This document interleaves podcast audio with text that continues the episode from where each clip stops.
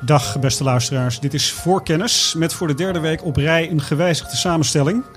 Daar vertel ik jullie zometeen meer over. Three ways to make a living in this business. Be first, be smarter, or cheat. No, I don't cheat. Beleggersbelangen presenteert voor kennis.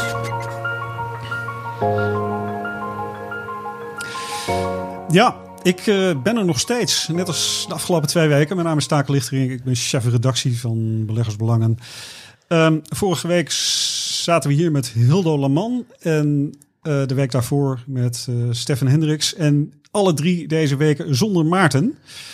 volgende week zal alles weer bij het oude zijn. Maar ehm, deze week nog niet. En deze week hebben we om Stefan te vervangen een andere beleggersbelangenredacteur bereid gevonden zelfs naar de studio te komen. Hij belt niet eens in.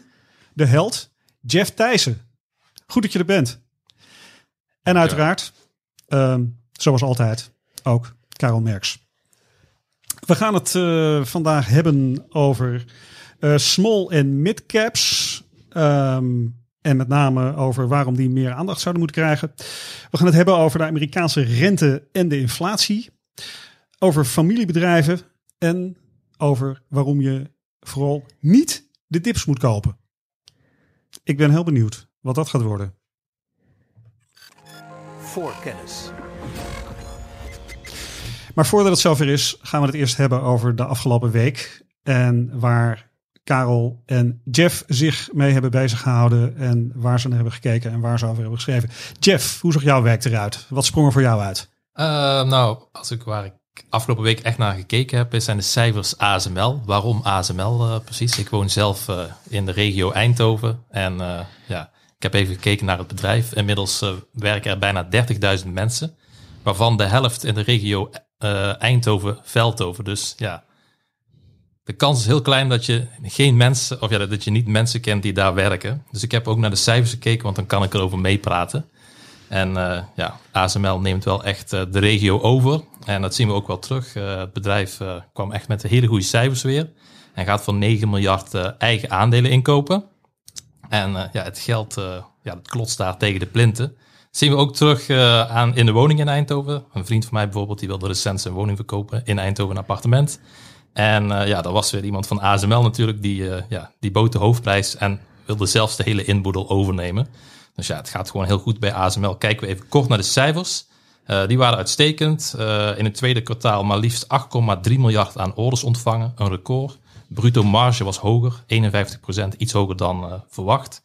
En ja, het was reden voor veel analisten om weer hun taxaties te verhogen. Ik zag bijvoorbeeld Morgan Stanley, Credit Suisse, die gaven koersdoelen af na bekendmaken van de cijfers. Koersdoelen 720 euro uh, per aandeel, dus een opwaarts potentieel van 20%.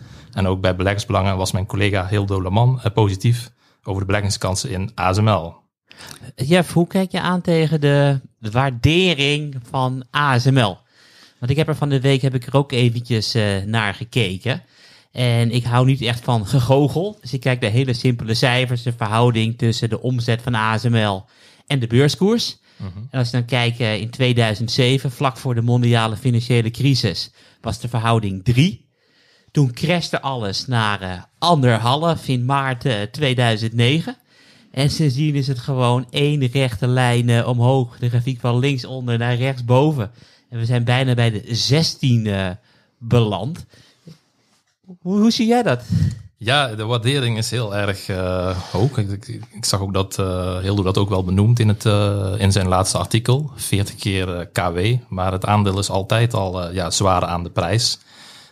zelf kijk ik ernaar van ja, wat, ja, hoe zijn toch vooral die vooruitzichten? Ja, de vooruitzichten zijn heel goed. waardoor die waardering misschien ook wel ja, terecht is. Ja, er komen altijd kansen uh, om misschien op een wat later tijdstip uh, in te stappen. Maar ja, een van de dingen is ja, niet het timen, maar ja, het in de markt zitten. En ja, dit is toch een van de bedrijven waar ik ook wel ja, toch uh, nog steeds positief ben over ja, de vooruitzichten. Ook al is de waardering heel erg hoog. Klopt, ik ben heel erg nieuwsgierig hoe hoog de waardering uiteindelijk gaat worden. Mm -hmm. Ik was vandaag op Bloomberg dat we een nieuw record hebben met de wachttijd voor chips. Dus als je nu een chip bestelt, moet je 21 weken wachten voordat die chip eindelijk een keertje geleverd wordt.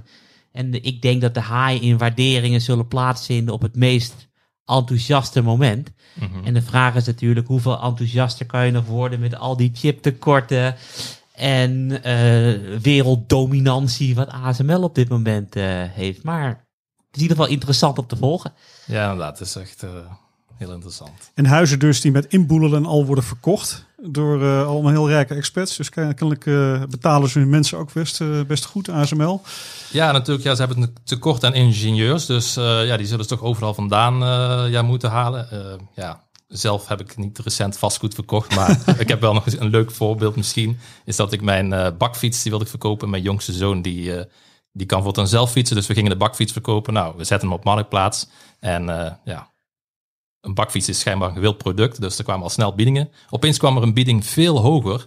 En eh, ja, dat was opvallend. Dus, eh, mijn vriendin die zegt van ja, een hele hoge bieding. Dus ik kijk zo, oh ja, die, die heeft pas sinds twee dagen een account op Marktplaats. Dus ja, dan ga je toch een beetje eh, denken van ja, klopt dit wel? Dus gaat even googelen. Wat bleek? Toch weer een ingenieur van ASML. dus uit Turkije. Dus Dus je gaat binnenkort naar Amsterdam verhuizen om je huis voor de hoofdprijs te verkopen, inclusief inboedel. ja, ik kan niks uitsluiten. Maar Misschien ja, word je dan nog bedrijf Ajax hard. Jeff, vertel, waar heb jij eh, voor beleggersbelangen afgelopen week mee bezig gehouden? Ja, toch eh, heel veel verschillende dingen. Ik heb dan een omslagartikel geschreven over eh, de offensieve portefeuille. Die heb ik eerder dit jaar overgenomen van mijn collega Jaap Barendrecht. Die is met, met pensioen gegaan. Daarover later ook in de podcast wat meer, omdat ja, de aandacht binnen de offensieve portefeuille verschuift naar wat meer midden- en kleine bedrijven. Ik heb wat eh, bedrijven geanalyseerd en daarover eh, ja, een artikel geschreven. Maar in het bijzonder wil ik even kort stilstaan bij de rubriek optietips eh, VS. Dat is een ja, rubriek waarmee ik elke week een optietip deel. En daarbij ligt de focus op het schrijven van opties. Waarom die rubriek nou in het bijzonder? Nou, ik merk gewoon in mijn omgeving, tijdens de coronacrisis zijn heel veel mensen begonnen met beleggen.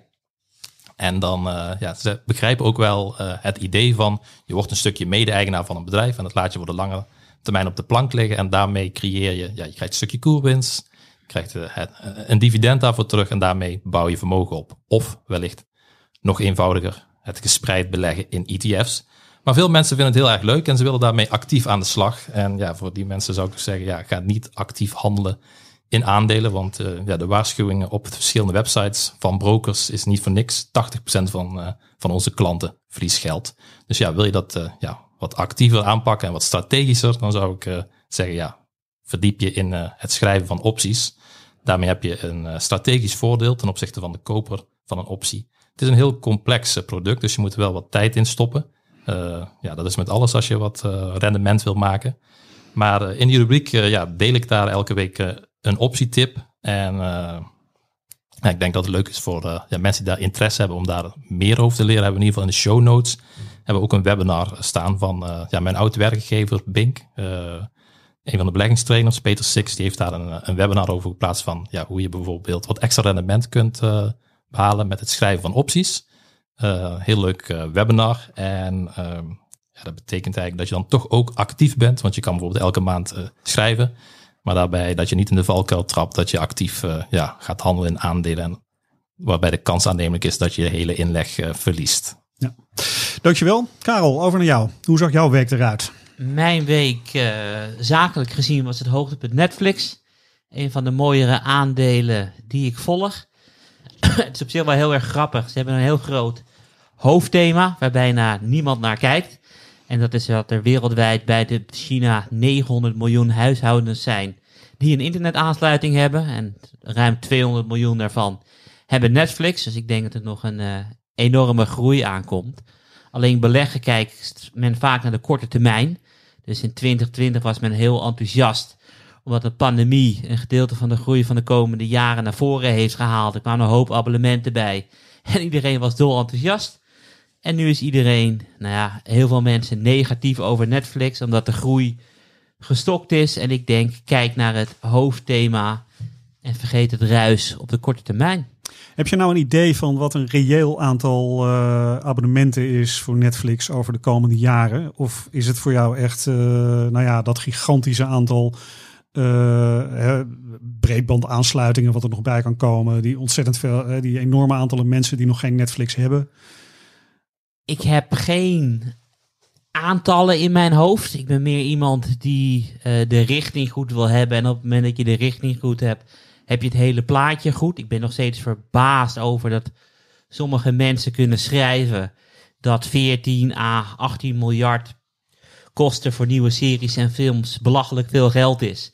En dat Netflix wel eens failliet kan gaan. Dat is echt onzin. Ik bedoel, wat ik vorige week ook zei. Als je 200 miljoen abonnementen hebt, je vraagt een tientje per maand, komt er elke maand 2 miljard binnen. En op jaarbasis komt er eh, ruim 24 miljard binnen. Het groeit nog steeds. Netflix is ook aan het testen. Dus in sommige landen doen ze even een dollartje erbij. De churn, dus de mensen die, die weggaan, zie je niet eens eh, dat er een test geweest is. Dus die prijzen kunnen ook nog omhoog. Nou ja, 1 eh, dollar per maand erbij is 200 miljoen elke maand. Maal 12 is ook weer eh, een paar miljard op jaarbasis. En vergeet niet dat de middenklasse wereldwijd nog aan het groeien is. Nou ja, het eerste wat je doet is als je van de onderklasse naar de middenklasse gaat, is een zeepje van Unilever kopen. Vandaag met cijfers, mooi bedrijf. En het tweede wat je doet, ik overdrijf een beetje, is een Netflix abonnement aanschaffen. Ja. Dus ik ben op lange termijn eh, positief. En het mooie is dat heel veel mensen negatief zijn vanwege al die kosten, Disney Plus, et cetera. Dus ik denk, eh, ja, beleggen is climbing a wall of worry. En er zijn genoeg problemen om op te lossen. Ik geloof dat vorige week of de week daarvoor ook de Emmy Awards waren. Netflix viel weer flink in de prijzen.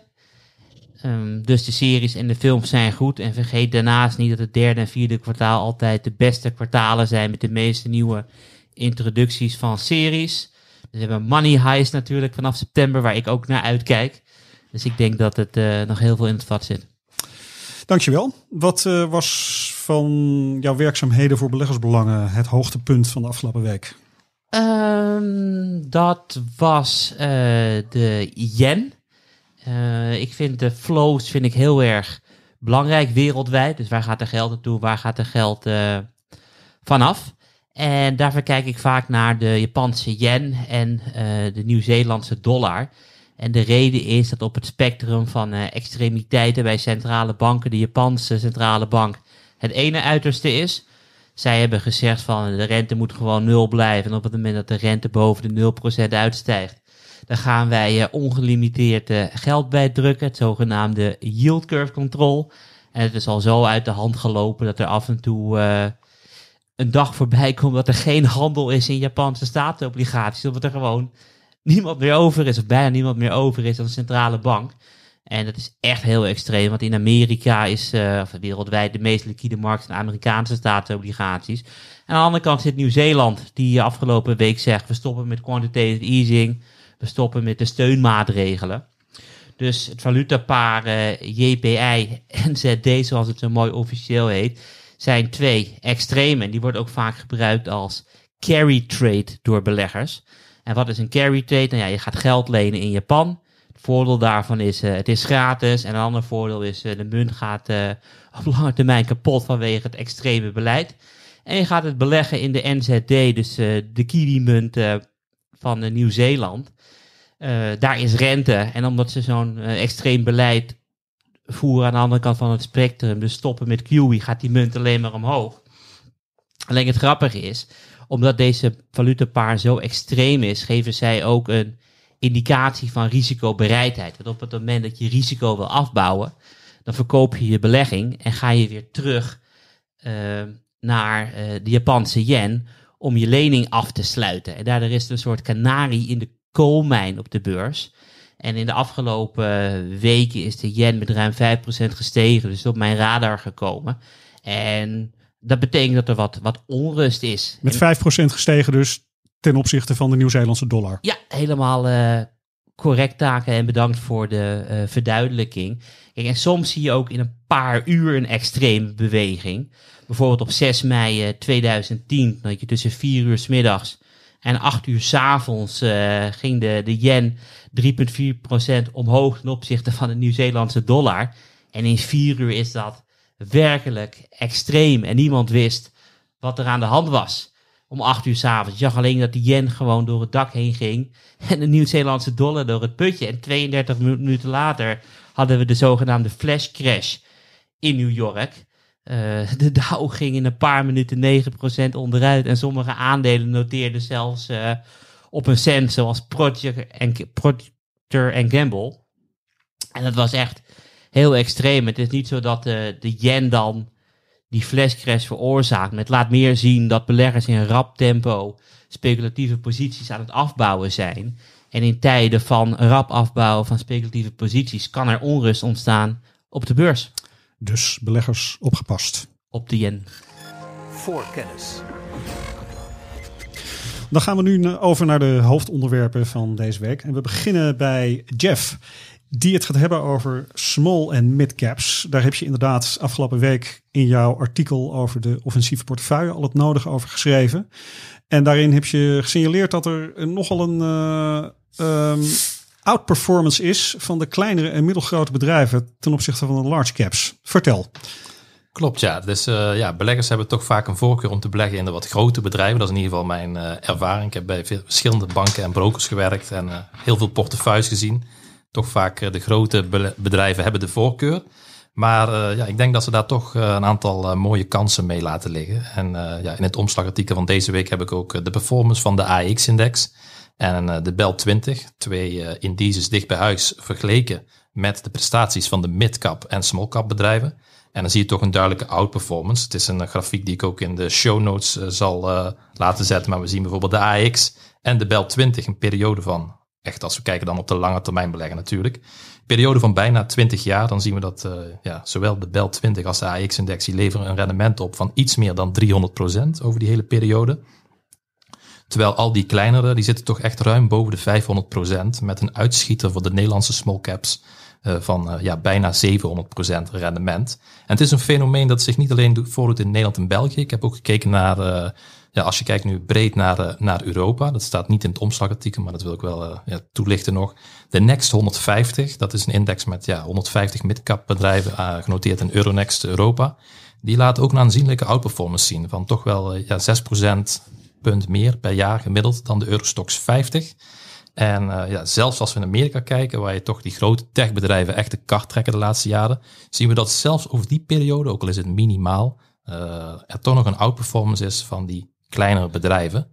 Nou, wat staat dan een reden voor? Ik heb daar toch wel eh, ja, over nagedacht. En eh, ja, ik denk dat de mogelijke verklaring voor de outperformance is, is dat die eh, bedrijven die hebben toch een lagere liquiditeit, staan op, minder, ja, op de radar van minder beleggers. Er zijn ook minder analisten die die aandelen volgen. En dat zorgt ervoor natuurlijk ook wel dat ze ja, wat risicovoller zijn. En tegen ja, een groter, hoger risico staat ook wel over het algemeen een hoger rendement, mag je verwachten. En dat zien we dan ook wel terug in de praktijk. Dus eh, ja, ik denk dat je die zeker niet eh, ja, links moet laten liggen in je portefeuille. En dat je daar eh, een plekje voor zou moeten reserveren. Nou, het is wel lastig als er bijvoorbeeld geen analisten coverage is van een, van een aandeel. Maar daarvoor ja, heb je natuurlijk beleggersbelangen. Want ja, wij volgen samen met alle redacteuren toch zo'n, heb ik even nagekeken, zo'n 60 small en mid-cap bedrijven. En ja, die voorzien wij van een kopen, houden of een, een verkoopadvies. En Jeff, heb je ook naar andere perioden gekeken? En de reden waarom ik het vraag, ik bedoel, als ik denk aan het jaar eh 2000, dan denk ik dat iedereen eh, wilde echt grote technologiebedrijven hebben. Ik bedoel, Cisco zag zijn weging in de S&P 500 stijgen van een half procent naar, eh, naar 6 procent, werkelijk ongekend. En in, in Nederland waren we gaan speculeren met aandelen als eh, KPN eh, Quest, KPN, eh, UPC, eh, et, et cetera. Ja. Dus je zag toen dat echt de hoofdindices vooral in, in technologie zaten.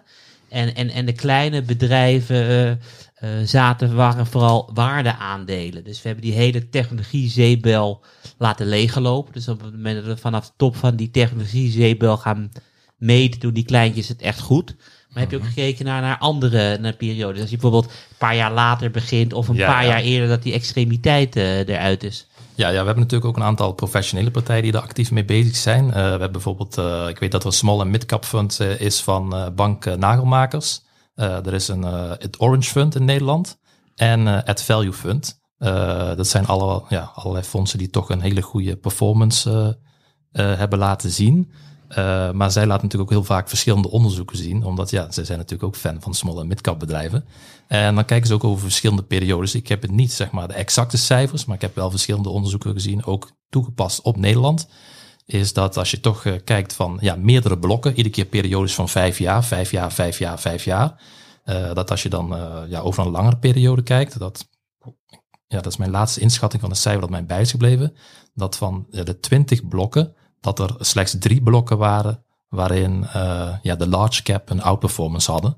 Dus eh, ja, op, op basis daarvan zou ik zeggen dat dat ook eh ja, en en is, kortere is timeframe 20 is. blokken, is dat dan 100 jaar? 20 keer 5?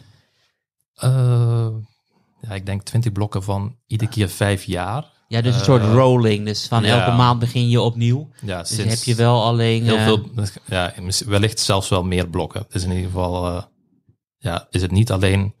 Kijk, soms kun je iets opzoeken van wat je wilt vinden. Dat, eh, daar, ben ik eh, mee eens.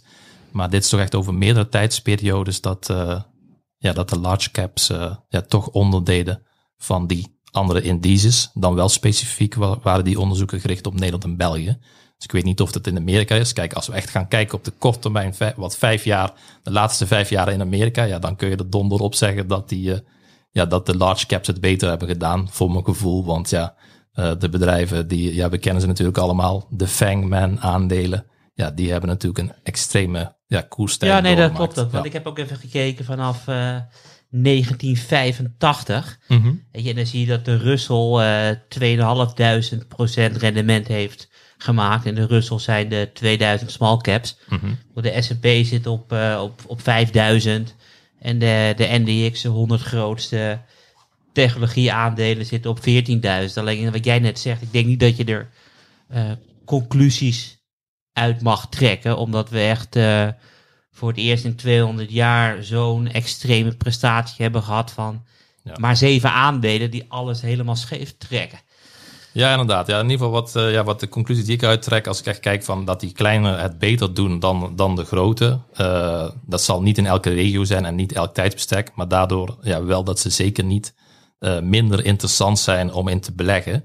En ja, voor de offensieve portefeuille leg ik wat meer wat focus op die kleinere bedrijven, omdat ik, eh, ja, ik denk als je echt toegevoegde waarde wilt eh, leveren als ja, beheerder van een portefeuille, en je wilt dat doen met selecteren van individuele aandelen, dan ja, is het goed om dat in een klein geografisch gebied te doen en dat je dan veel weet van weinig, dat je echt waarde kan toevoegen als een beheerder. Eh, ja, dat doe je echt als je individuele aandelen selecteert. Dat is dan echt een specialisatie. Eh, kijk, er zijn natuurlijk ook andere strategieën dat je zegt van ja, ik zit meer in gespreid beleggen in ETF's. Dan, dan is dat natuurlijk helemaal niet van toepassing. Maar eh, ja, wil je denk ik echt, er zijn heel veel mensen die natuurlijk rendement willen maken. Wil je echt een onderscheid maken, dan zul je dat op een klein gebied moeten doen.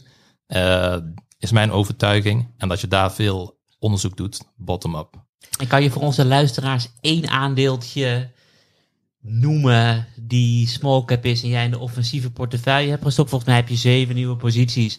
En laten Ja. we dan een stuk of zes voor onze abonnees behouden. Maar de luisteraars die geen abonnement, eh, ab- abonnee zijn, kan je er één weggeven? Ja, dat is eh, ook wel een vraag die, die misschien ook wel inspeelt van ja, heel veel abonnees. We hebben natuurlijk het forum en er zijn heel veel abonnees die dan vragen van ja, hoe kan ik, eh, het blijft maar stijgen, hoe kan ik me, ja, mijn portefeuille verdedigen? Ik denk dat een mooie aanvulling binnen iedere gespreide portefeuille, en dat is een, relatief eh, ja, klein bedrijf, is eh, Flow Traders. Eh, dat is een market maker. en ja, met name als de beurs ja, een ommekeer zou maken, er komt meer beweging naar beneden, meer volatiliteit dan zie je vaak dat zij ja, heel veel geld verdienen. Dat zagen we ook ja, tijdens de coronacrisis. Die positie eh, is denk ik een mooie aanvulling eh, binnen een portefeuille. En je zou zeggen, ja, er is nu bijna geen volatiliteit. Kunnen ze nog iets verdienen? Eh, ja, ik ben heel erg benieuwd. Ze komen volgende week met cijfers. En ze hebben toch al een paar keer gezegd dat ze de nummer één zijn. Hebben ze zichzelf uitgeroepen. Dus of dat zo is, dat is altijd even de vraag. Maar ze noemen zichzelf de nummer één op het gebied van ETP's in cryptovaluta. En ja, als er iets veel beweegt, is het cryptovaluta. Dus ik ben benieuwd hoe... Maar ja, wel 50% eh, gedaald in de afgelopen twee maanden. ja, maar dat is ideaal voor hun. Ja, nee, klopt. Maar op het moment dat het op 60.000 staat, hoor ik iedereen van... eh eh, moet ik crypto, moet ik crypto? Nou, ik heb van mijn buurvrouw tot en met oude klasgenootjes... de afgelopen weken helemaal niks gehoord. Dus het lijkt wel die volumes gedaald zijn. Pure gok, hoor. Ja, inderdaad. Het is, het is stiller, maar ja, dat kan zo. Maar eh, ik heb eh, toevallig eh, volgens mij vanochtend gezien dat Elon Musk, die had weer een t-shirt aangetrokken met bitcoin. En ja, het gaat 8% omhoog. Nou ja, 8% op één dag, dat is nog steeds een, ja, een forse beweging. Die zien we niet snel eh, ja, bij aandelen, tenzij ze met ja, hele mooie cijfers komen. Maar anders is die, eh, ja, die kans klein. Dus We drijven zo wel heel erg af van het hoofdthema, Jeff. Ik heb Ja. nog wel één vraag over die small en mid caps. Ehm, die outperformance die je hebt laten zien in die mooie grafiek van je, die is wel op hele lange termijn. Hè? Betekent dit dat, eh, dat small en mid caps eh, ook echt specifiek een lange termijn belegging zijn? Ja, ik denk dat ze ook ja, voor de korte termijn natuurlijk interessant zijn. Maar eh, ja, met name, ik denk dat bij beleggen sowieso goed is als je je focus legt op de lange termijn. Dan heb je ja, de hoogste kans dat je ook eh, daar met een positief rendement en dus vermogen kan opbouwen. En als je dan de focus hebt op de lange termijn, is dit een vrij geschikte kandidaat. Waarom? Vaak als ze heel klein zijn, dan zijn ze nog heel onbekend. Dus ja, heb ik het over een market cap van, eh, marktkapitalisatie van minder dan 500 miljoen, dan zijn ze onbekend. Vervolgens worden ze wat groter, dan komen ze op de radar van meer beleggers. En als je echt kijkt naar, eh, als de marktkapitalisatie dan boven de 1 miljard komt, dan eh, ja, zie je toch de interesse van wat grotere beleggers die dan gaan instappen. En mijn persoonlijke ervaring is dat als de marktkapitalisatie boven de 2 miljard komt, dus ja, het bedrijf gaat toch eh, groeien, meer omzet, meer winst op termijn over de jaren heen, dan komen ook pas de buitenlandse beleggers. En op dat moment ja, heb je feitelijk een soort van ja, hele mooie groei ook vaak in de waardering van zo'n bedrijf. Dat de, de KW wat omhoog kan. Dus ja, je- het meest ideaal is natuurlijk als je een small cap kan vinden en dat die vervolgens dan uiteindelijk in de AX eh, terechtkomt. Dan heb je ja, een hele mooie eh rendementen weten te realiseren. Dus- Uiteraard. Maar, dat, kost, dat kost tijd. maar small caps voor de kortere termijn ook? Of Ja, ik, ik zou zeggen van ja, beleggen, als je een stukje eigenaar wordt van een bedrijf, dan doe je dat voor de lange termijn. En eh, als je wilt gaan handelen, ja, dan komen er toch andere dingen bij kijken. En ja, ik denk dat op de korte termijn handelen en aandelen, dan maakt het niet uit of je in large caps doet of in, in small caps. Eh, tenzij je echt heel veel weet van dat specifieke bedrijf en dat je denkt van nou, dit is echt heel erg ondergewaardeerd. duidelijk verhaal. voor kennis.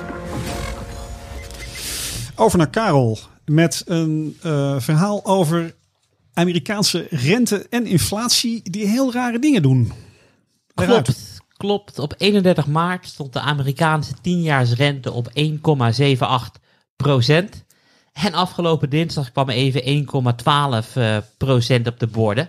Dus er is een derde van de 10-jaarsrente afgegaan. En dat is eh, bijzonder, omdat de Amerikaanse inflatie al maanden rond de 5% op jaarbasis noteert. En ook de maand-op-maand eh, cijfers zijn de hoogste in de afgelopen 30, 35 jaar. En dat is tegenstrijdig, omdat oplopende inflatiecijfers, eh, die we echt in tientallen jaren niet gezien hebben, en rentes die gedragen zich alsof er deflatie is. Leg uit. Eh, leg uit. Nou ja, inflatie eh, is een van de belangrijkste ingrediënten voor rente. Dus op het moment dat ik geld nodig heb, ik zeg taken, heb jij voor mij 1000 euro, even het alleen krijg je volgend jaar terug. Dan zeg ik, "Ka- Karel, hier heb je 1000 euro. En volgend jaar geef ik jou 1000 euro terug, omdat je denkt dat volgend jaar de koopkracht ongeveer dezelfde is als dit jaar. Maar ja, als we 10% inflatie hebben en ik zeg taken mag ik 1000 euro lenen, dan zeg je van ja, ik wil volgend jaar niet eh, minder kunnen kopen van mijn geld.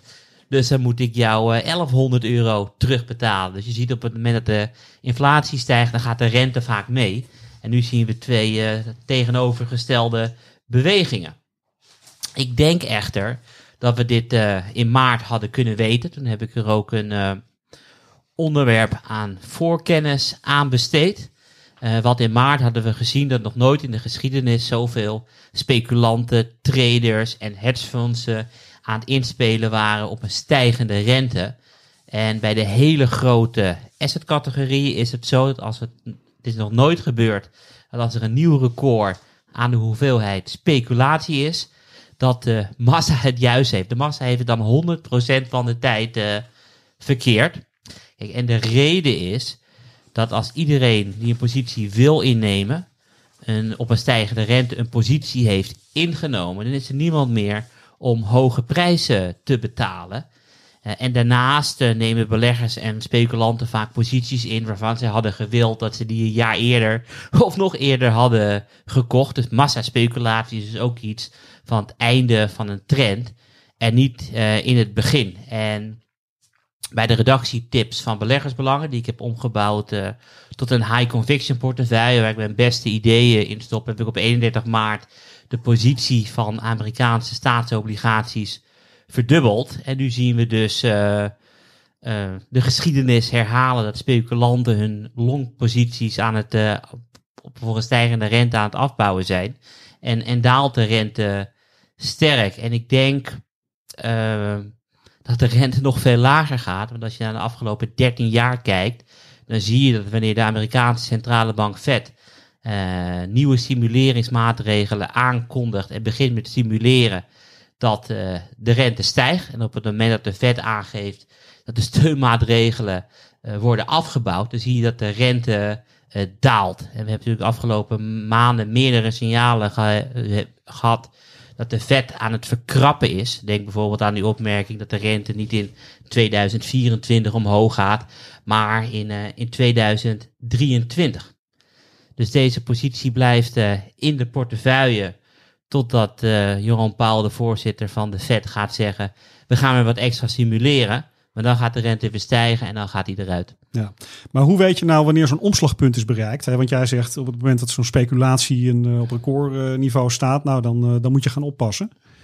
Ehm, maar hoe, ja, dan kan daarna wel nog een record komen. en Ja, nee, klopt. Het werkt natuurlijk niet op, eh, op dagbasis. Vaak ook niet op weekbasis. En soms moet je echt maanden wachten.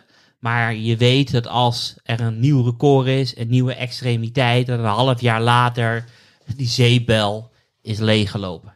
En met die staatsobligaties was het toevallig eh, precies op de dag. En dat is, is mazzel. Maar eh, meestal is dat een, eh, een paar maanden. Dat zag je ook in 2008, toen de, nog nooit in de geschiedenis zoveel mensen speculeerden op een dalende dollar en een stijgende euro. Dat was rond 1,55. Uiteindelijk hebben we nog 1,61 in het jaar gezien. En toen gingen we naar eh, bijna pariteit in de mondiale financiële crisis. Ja, dan heb ik nog een vraag. Jij eh, schrijft eh, de afgelopen 13 jaar, of jij zegt de afgelopen 13 jaar steeg de rente wanneer de Amerikaanse Fed aan het stimuleren was. En de rente daalde op het moment dat de Fed aangaf dat de steunmaatregelen zouden eindigen. Ehm, maar je zou toch ook zeggen dat nou ja, er een, een, een verband is tussen hè, de rente die gaat stijgen en de Fed die, eh, die juist stopt met, eh, met stimuleren. Klopt, klopt. Alleen de, eh, de rente is de, de prijs van geld. En de prijs van geld stijgt op het moment dat er meer economische activiteit is. En de prijs van geld daalt wanneer de economische activiteit eh, vermindert. Dus af en dan eventjes gaan naar maart 2020. Toen had dus niemand zin om een nieuw, nieuw businessmodel uit te rollen. Of een nieuwe divisie te starten of te investeren. Dus dan daalt eh, de prijs van geld. Dus zagen we ook dat de 10-jaarsrente daalde naar eh 0,3% in de Verenigde Staten. En toen begon eh, de Fed de markten te helpen van jongens, ik ben er ook. eh, De lender of last resort, we gaan iedereen helpen. En, en dan komt er weer economische activiteit. En dan zie je de rente stijgen. Het is wel heel erg grappig dat sinds 2008, elke keer als de Fed wat doet, dan stijgt de rente. Dus dan komen de animal spirit- spirits terug en heeft iedereen weer zin in. En als de Fed die maatregelen afbouwt, dan zie je die rente echt als een kaartenhuis in elkaar zakken. En dat betekent dus dat de Amerikaanse economie ehm, de, de Fed nodig heeft om draaiende te houden. En het mooiste voorbeeld daarvan was 2018. Dus zei Jerome Powell in de herfst van ja, we ondersteunen nu de financiële markten eh, tien jaar. Het wordt eh, tijd dat wij de maatregelen eh, gaan afbouwen. En zelfs in een kleine recessie zullen wij doorgaan met het afbouwen van de balans en het intrekken van de maatregelen. Tien jaar herstel, het herstel is er. Nou ja, de S&P zakt in één keer met 20%. De tienjaarsrente zakte met 100 basispunten. En toen zei eh, met kerst, zei Ron Paul, sorry, dat had ik niet bedoeld. We gaan weer stimuleren. En dan zie je de rente weer stijgen. En de vraag is een beetje van, kan nu de Amerikaanse economie op eigen benen staan? Nou ja, 13 jaar was het antwoord Nee, je ziet nu de rente dalen. Je ziet de Economic Surprise Index, uh, we ook wel eens behandeld hebben in deze uitzending, uh, dalen. We hebben natuurlijk in september dat heel veel fiscale maatregelen aflopen in de Verenigde Staten. Want nu kunnen mensen nog lekker thuis zitten en uh, meer geld met een uitkering vangen dan dat ze vroeger verdienden met een baan, wat allemaal heel chill is. Dat gaat er ook af. En, en dan is de vraag, hoe draait de Amerikaanse economie? En daarvoor kijk je naar de rente. En mocht de Amerikaanse economie niet op eigen benen kunnen staan en er komt weer een, een steunprogramma aan, dan raad ik aan meteen uh, deze positie te sluiten. Voor kennis. Jeff, dan komen we weer bij jou met ons derde hoofdonderwerp. Jij uh, gaat het hebben over familiebedrijven. En net als mid- en small caps doen ook familiebedrijven het goed. En wederom ook vooral op de lange termijn. Ja, inderdaad. Dus ja, als je belegt dan, uh, en je wilt daar uh, je vermogen bouwen, dan ja, de insteek, naar mijn mening, is dat je het beste kan doen met focus op de lange termijn. En dan zou je kunnen kijken, ja, hoe kan ik dan dat rendement, een bovengemiddeld rendement behalen? Nou, niemand kan naar de toekomst kijken, maar we kunnen natuurlijk wel terugduiken in het verleden. En ja, daardoor ook een voorkeur voor small- en midcap bedrijven. Uh, en daar heb ik dan ja, verschillende redenen ook al voor genoemd en ook in het omslagartikel gedeeld. Nou, familiebedrijven, waarom zijn die interessant? En die hebben ook wel een overkoepeling natuurlijk met small- en midcaps. In tijden van crisis worden die natuurlijk net zo hard geraakt als niet-familiebedrijven. Maar ze blijken toch vaak sneller weer op te veren. En uh, ja, beleggers die plukken daar toch op de beurs wel uh, de vruchten van. Dat blijkt ook uit meerdere uh, onderzoeken die ik daarvoor heb geraadpleegd. Familiegeleide bedrijven. nou, wat komt daar naar, naar, naar, voren? Die hebben vaak wat meer focus op de lange termijn. Ze groeien gemiddeld genomen sneller en zijn winstgevender dan niet-familiebedrijven. En ja, dit is ook weer een onderzoek bijvoorbeeld van Credit Suisse, een periode van 2006-2020. Dus dat is ook weer uh, ja, een, een, langere periode. En is het gemiddelde jaarrendement van familie, familiebedrijven in Europa 4,7 procentpunt hoger dan uh, niet-familiaal geleide bedrijven. En ja, daar hebben ze dan ook een ondergrens bij, nou, die ze als onderzoekers hanteren. En dat is als ze ja, de oprichter of de nazaten 20% meer ja, van de aandelen in handen hebben. Dus het kapitaal en stemrecht familiebedrijven zijn denk ik gewoon heel interessant. Ik denk dat voor heel veel mensen ook wel een inkoppertje is. Omdat ja, als het van de familie is, uh, de oprichter die heeft vaak heel veel passie daarvoor. En dat, uh, dat komt ook wel naar voren. Maar uh, ik denk gewoon als je ja, aandelen gaat selecteren, dat het altijd goed is om te kijken van ja, wie is nu de eigenaar van het bedrijf. je wordt een stukje mede-eigenaar. Een gedeelte van jouw vermogen, dat geef je in handen van het management. Dus je wilt wel weten, ja, is het in goede handen? Wie is het management? Nou, vaak bij een familiebedrijf heb ik de overtuiging dat het dan in, in betere handen is. Maar je kan op meerdere manieren kijken of, uh, ja, of je een goed management hebt. Uh, ja, subjectief kun je dan kijken van, ja, maken ze hun afspraken waar? Maar je kan ook objectief bekijken. En als je het objectief bekijkt, dan zou je kunnen kijken van, het hoeft dan nog eens niet een familiebedrijf te zijn. Maar je zou altijd kunnen kijken, de CEO en de CFO. Uh, ja, hoe groot is hun aandelenbelang in een bedrijf? Ik denk dat het gewoon heel erg prettig is als ja, de belangen met jou als aandeelhouder parallel lopen. Dus uh, ja, hoe kun je dat dan meten? Nou, er zijn verschillende websites voor in Nederland. Bijvoorbeeld heb je Trivano. Uh, maar je hebt ook uh, Guru Focus, dat is meer internationaal. Dan kun je zien hoe groot het belang is van de CEO en de CFO. Je kan ook zien wanneer ze bij hebben gekocht en wanneer ze verkopen. En ja, wat ik dan interessant vind als, als bijvoorbeeld een CEO meer dan vijf keer zijn jaarsalaris ja, een belang heeft in het bedrijf. Daaraan kun je in ieder geval zien van als hij bepaalde keuzes maakt, dan, en dat zijn foute keuzes, dan wordt hij ook financieel geraakt. Heeft hij maar een hele kleine positie, ja, en zijn salaris is veel hoger dan zijn aandelenpositie, dan maakt het feitelijk niet uit wat, er, wat er gebeurt. En mijn ervaring is dat het dan toch ja, minder snel bijvoorbeeld, wat uh, op mijn eigen ervaring, wat dommere, niet zo snel domme overnames worden gedaan. En waarom die ondergrens van vijf keer het jaarsalaris? Ja, je moet ergens een grens uh, trekken. Uh, dat is natuurlijk ook een beetje, ja, beleggerservaring, gevoel van ja, wanneer is iets significant of niet. Dus uh, ja, daarin zou ik zo zeggen, vijf, vijf keer is ongeveer de, ja, toch wel uh, van toegevoegde waarde. Wat vind jij nou de interessantste familiebedrijven aan de Nederlandse beurs? De meest interessante familiebedrijven, uh, ja, dat zijn er heel veel. Ik kan nooit echt specifiek één individueel aandeel noemen. Zit er iets in, de, in jouw beheerde offensieve portefeuille? we hebben net al flow traders genoemd. Ik weet niet exact nu het percentage uit mijn hoofd, maar in het verleden hebben zij natuurlijk wel een groot belang gehad. Dat hebben ze wel langzaam eh, afgebouwd. Recent, uh, ja, we hadden natuurlijk Hunter Douglas, die soap rond dat bedrijf. Uh, dat vond ik wel een hele mooie belegging. Dat was ook heel lang mijn sectorfavoriet in de sector industrie. daar had de familie 80% van de aandelen in bezit.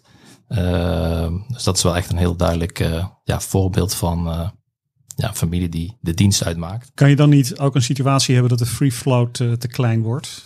De, de, de, de liquiditeit uh, te gering daardoor? Klopt, bij dit specifieke bedrijf is daar, eh, daar een goed voorbeeld voor. Maar je hebt ook wel wat kleinere bedrijven. Bijvoorbeeld uh, als je kijkt naar, of ja, niet kleinere bedrijven, maar als je bijvoorbeeld kijkt naar de Albots, de oprichter, die heeft volgens mij nog altijd ruim 10% van de aandelen in bezit.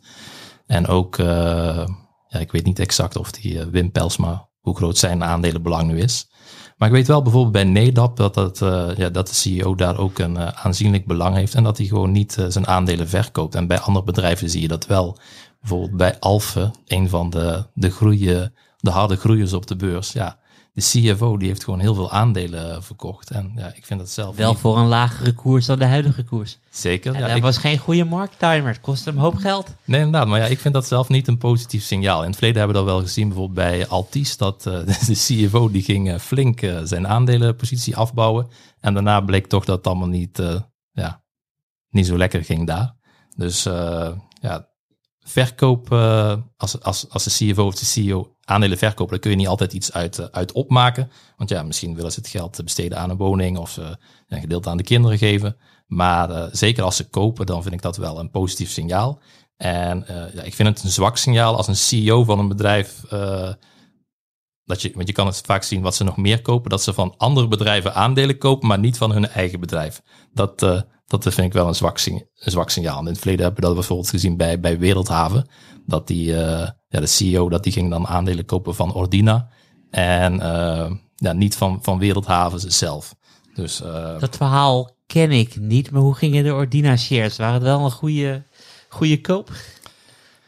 Ja, ik weet niet uiteindelijk 100% zeker meer wat nou het resultaat was. Maar dat is voor mij een signaal van ja, ik, ik, ik zie liever dat ja, gewoon de belangen. Ja, ja nee, klopt. Maar dit soort dingen zijn voor mij dan een teken van ga naar Ordina kijken of wat is ja. er aan de hand. Uh, want je weet wel natuurlijk dat al die mensen van uh, de Nederlandse top van het beursgenoteerde bedrijfsleven, dat ze zondagmiddag allemaal lekker staan te golven ergens. Mm -hmm. Dus ik denk wel dat ze meer weten dan uh, de gemiddelde persoon. Ja, dat zou kunnen. Hij was, had wel een functie ook bij, uh, volgens mij, in, denk ik, als ik goed herinner, in, in de raad van, ja, zeg maar, in een functie had hij wel bij, bij Ordina, een nevenfunctie.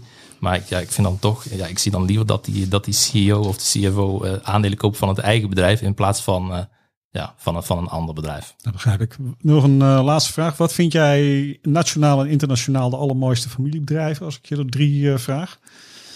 Ehm, nou, als ik kijk meer internationaal, dat is natuurlijk ook een, een van de sterkhouders geweest van de dividendportefeuille. Dat is LVMA. Dus daar heb je ja, de familie uh, die heeft gewoon iets meer dan 40% van de aandelen. En ja, die heeft al echt al een hele lange consistente strategie. Dus dat is ja, een van de aandelen die daar, die daar echt uitspringt. zelf vond ik dus Hunter Douglas heel mooi. en ja, natuurlijk ook als je kijkt naar ja, echt een wat langere periode is Albos, die was natuurlijk ook eerst klein en die heeft echt die fase helemaal doorgemaakt van ja, een klein bedrijf naar uh, de AX-index. Zit nu wel weer in de, in de, in de midcap, maar uh, ja, dat zijn wel uh, interessante. En het grootste bedrijf van Europa, LVMA. En het enige bedrijf wat in de top 10 wereldwijd grootste beursgenoteerde bedrijven staat. Ja, en hij heeft ook... Mega. En meestal zijn familiebedrijfjes wat kleiner. Ja. Maar het enige Europese bedrijf wat in de top 10 staat wereldwijd qua grootte. Ja, en hij heeft ook vijf kinderen en volgens mij vier zitten, hebben al functies binnen het bedrijf. Dus uh, ja, het gaat gewoon uh, verder. En ja, wat ik zelf dan nog wel ook nog denk, een leuk bedrijf is, dat uh, is dan helaas niet beursgenoteerd. Bijvoorbeeld VDL, dat is ook weer lokaal, een van de leveranciers ook van ASML. Van, ja, van de familie van de Leegte. En ja, dat is ook overgenomen recent door door, uh, ja, of niet recent, al een aantal jaar natuurlijk door, uh, door een van de zoons. En ja, die zoons uh, die zat bij mij beste vriend in de klas, dus ik weet er wel een beetje van wat meer van, van, van, van het bedrijf. Dankjewel. Voor kennis. Ja, dan komen we nu bij ehm, de afdeling wetenschappelijk onderzoek. Daarvoor ga ik naar Karel Merks. We hadden vorige week natuurlijk al een heel saillante discussie tussen Karel en Hildo. Omdat Karel een eh, onderzoek had gevonden ehm, waaruit zou blijken dat eh 94% van de Amerikaanse aandelen het eh, over een periode van bijna 100 jaar slechter heeft gedaan qua rendement dan het rendement op staatsobligaties. Klopt, Daar zette Hildo wat stevige vraagtekens bij. klopt. Ik heb contact gehad met de onderzoekers. Ik heb een boekwerk aan eh, tekst teruggekregen. Dus eh, ik ga binnenkort ga ik daar weer een hoofdonderwerp aanwijden. Ik moet eerst eventjes eh, bijna 200 pagina's door eh, lezen. Ik moet Hartstikke zeggen mooi. bladeren, maar ik moet het lezen. Wordt vervolgd dus. En dan komen we nu bij een eh, nieuw interessant wetenschappelijk onderzoek. Klopt, Universiteit van Yale dit keer. En ik vind het heel erg leuk om dit soort onderzoeken te lezen over de beursgeschiedenis. Dat zit je altijd weer aan het denken. En de wetenschappers van Yale hebben twee strategieën met elkaar vergeleken. En het is een strategie dat ze beleggen gedurende 40 jaar. En elke maand eh, leggen zij eh, geld in, in in de strategie. En strategie 1 koopt elke maand, eh nou, van zeg 100 dollar Amerikaanse aandelen en doet dat 40 jaar lang. En strategie 2 is iemand die precies weet wat de beurskoersen gaan doen. Dus die, spaart, die, die begint met sparen en die, koopt, eh, die spaart elke maand ook 100 dollar, net als in voorbeeld 1. Alleen die legt die 100 dollar, of althans hoeveel die gespaard had op dat moment, kan ook een paar duizend zijn, precies op de low van de aandelenmarkt in. En op het moment dat hij precies op de low zijn volledige spaargeld erin geschoven heeft, dan blijven die aandelen gewoon tot het eind van de looptijd eh, in portefeuille. En daarna gaat hij weer beginnen met sparen, totdat er weer een nieuwe low is. En de definitie van een low is het laagste punt na een nieuwe all-time high. En wat blijkt, vanaf 1941 wint in 100% van de tijd strategie 1. En ik wil dan een quote gebruiken die Jeff al eh, een half uurtje geleden gebruikt heeft. Kijk, het gaat met beleggen niet om de markt timen. Het gaat om tijd in de markt. En als je dan kijkt eh, over een periode van 40 jaar, zie je elke keer dat de low weer hoger is dan eh, de voorgaande low. Dus je wil gewoon altijd wil je eh, belegd zijn. En die wetenschappers zijn nog een, een stukje dieper gegaan. Die hebben gezegd van oké, dit werkt dus niet, want je moet 100% van de tijd belegd zijn. Maar wat nou als ik elke maand 100 eh, dollar inleg en ik koop wanneer de koersen 2% gedaald zijn, wat regelmatig voorkomt. Verliest ook van eh, voorbeeld 1. En ze hebben gewacht 5%, 10%, 15%, het maakt niet uit hoe ze aan die eh, data aan het sleutelen zijn. Volledig belegd zijn, wint op een termijn van 40 jaar altijd. En je hebt eh, vakidioten zoals wij bij beleggersbelangen. Maar er zijn ook mensen die wat minder uurtjes in de week met beleggen bezig wil zijn. En de strategie is van ja, heb je 40 jaar de tijd, ben je een dertiger, eh koop elke maand en ga op lange termijn voor het hoogste rendement. En probeer vooral niet te timen. Klopt. En probeer dus ook niet te doen wat eh, onze collega Menno van Hoven iedereen altijd aanraadt. Buy the dips. Klopt. Niet aan beginnen. Klopt. Alleen eerlijk is eerlijk. Ik bedoel, dan kijk je wat, wat Menno doet. Want ik heb altijd geleerd van, je moet nooit luisteren naar mensen. Je moet altijd kijken wat ze doen. Kijk, en als je dan kijkt naar de portefeuille van Menno, die zit bijna altijd op 98, 99, 97 procent volledig belegd. Eh, en degene eh, wat niet belegd is, dat is een paar procent dividend. Want hij belegt heel veel bedrijven die één keer per kwartaal dividend uitbetalen. Dus hij heeft na een paar maanden heeft hij 1 of 2 procent eh, dividend. En daar kiest hij weer een nieuw aandeel van. Dus Menno roept altijd buy the dips. Maar hij is vaak volledig belegd. En ik roep altijd, en ik weet dat Menno het volledig met mij eens is als hij luistert. eh, mooie aandelen noteren vaker wel dan niet op een all-time high. Dus wees niet bang voor een all-time high. voor kennis. Dan komen we alweer bij het eh, laatste blok van deze voorkennis. De komende week. Ehm, Jeff, waar ga jij de komende week allemaal naar kijken? Eh, ja, we zitten nu denk ik toch wel echt in een eh, storm aan eh, cijfers. We hebben vandaag ook ja, een vergadering gehad. En dan kijken we altijd vooruit van ja, welke bedrijven komen met cijfers, welke zijn interessant, waar willen we aandacht aan besteden. Dus ik krijg echt heel veel cijfers op mijn bordje van ja, bedrijven uit de sector die ik volg. Nou, omdat ik eerder dit jaar ook die offensieve portefeuille heb overgenomen. Daarin zaten natuurlijk ook al een flink aantal bedrijven. En we hebben een overweging in de offensieve portefeuille voor chip-gerelateerde bedrijven. Eh, ja, die bedrijven die hebben gewoon de afgelopen jaren heel goed gepresteerd. En ja, ik denk ook dat de vooruitzichten nog steeds heel goed blijven. Maar eh, ja, met die offensieve portefeuille wil ik echt eh, ja, zoveel mogelijk weten van weinig. En we hebben natuurlijk onze specialisten in huis. Maar ik wil ook zelf heel goed mijn huiswerk doen en sommetjes maken. Dus om die overweging ook ja, met veel vertrouwen vast te houden, ga ik met heel veel interesse kijken naar de cijfers van eh ASMI en BC. Karel, Ehm, 27 juli, dus dat is over vijf nachtjes slapen, komt Tech Resources met cijfer. cijfers. Dit is mijn favoriete in de grondstoffensector. En ik denk dat het Canadese bedrijf gezien kan worden als een soort eh, beleggingsfonds voor grondstof. Want er zitten onder andere in koper, molybdeen, nikkel, kool, zink eh, en olie. En het grappige is van, ik denk dat vanwege de ESG-maatregelen en minder investeren in ouderwetse grondstoffen, dat juist die ouderwetse grondstoffen eh, zullen gaan stijgen, omdat eh, het aanbod sneller zal gaan krimpen dan de vraag.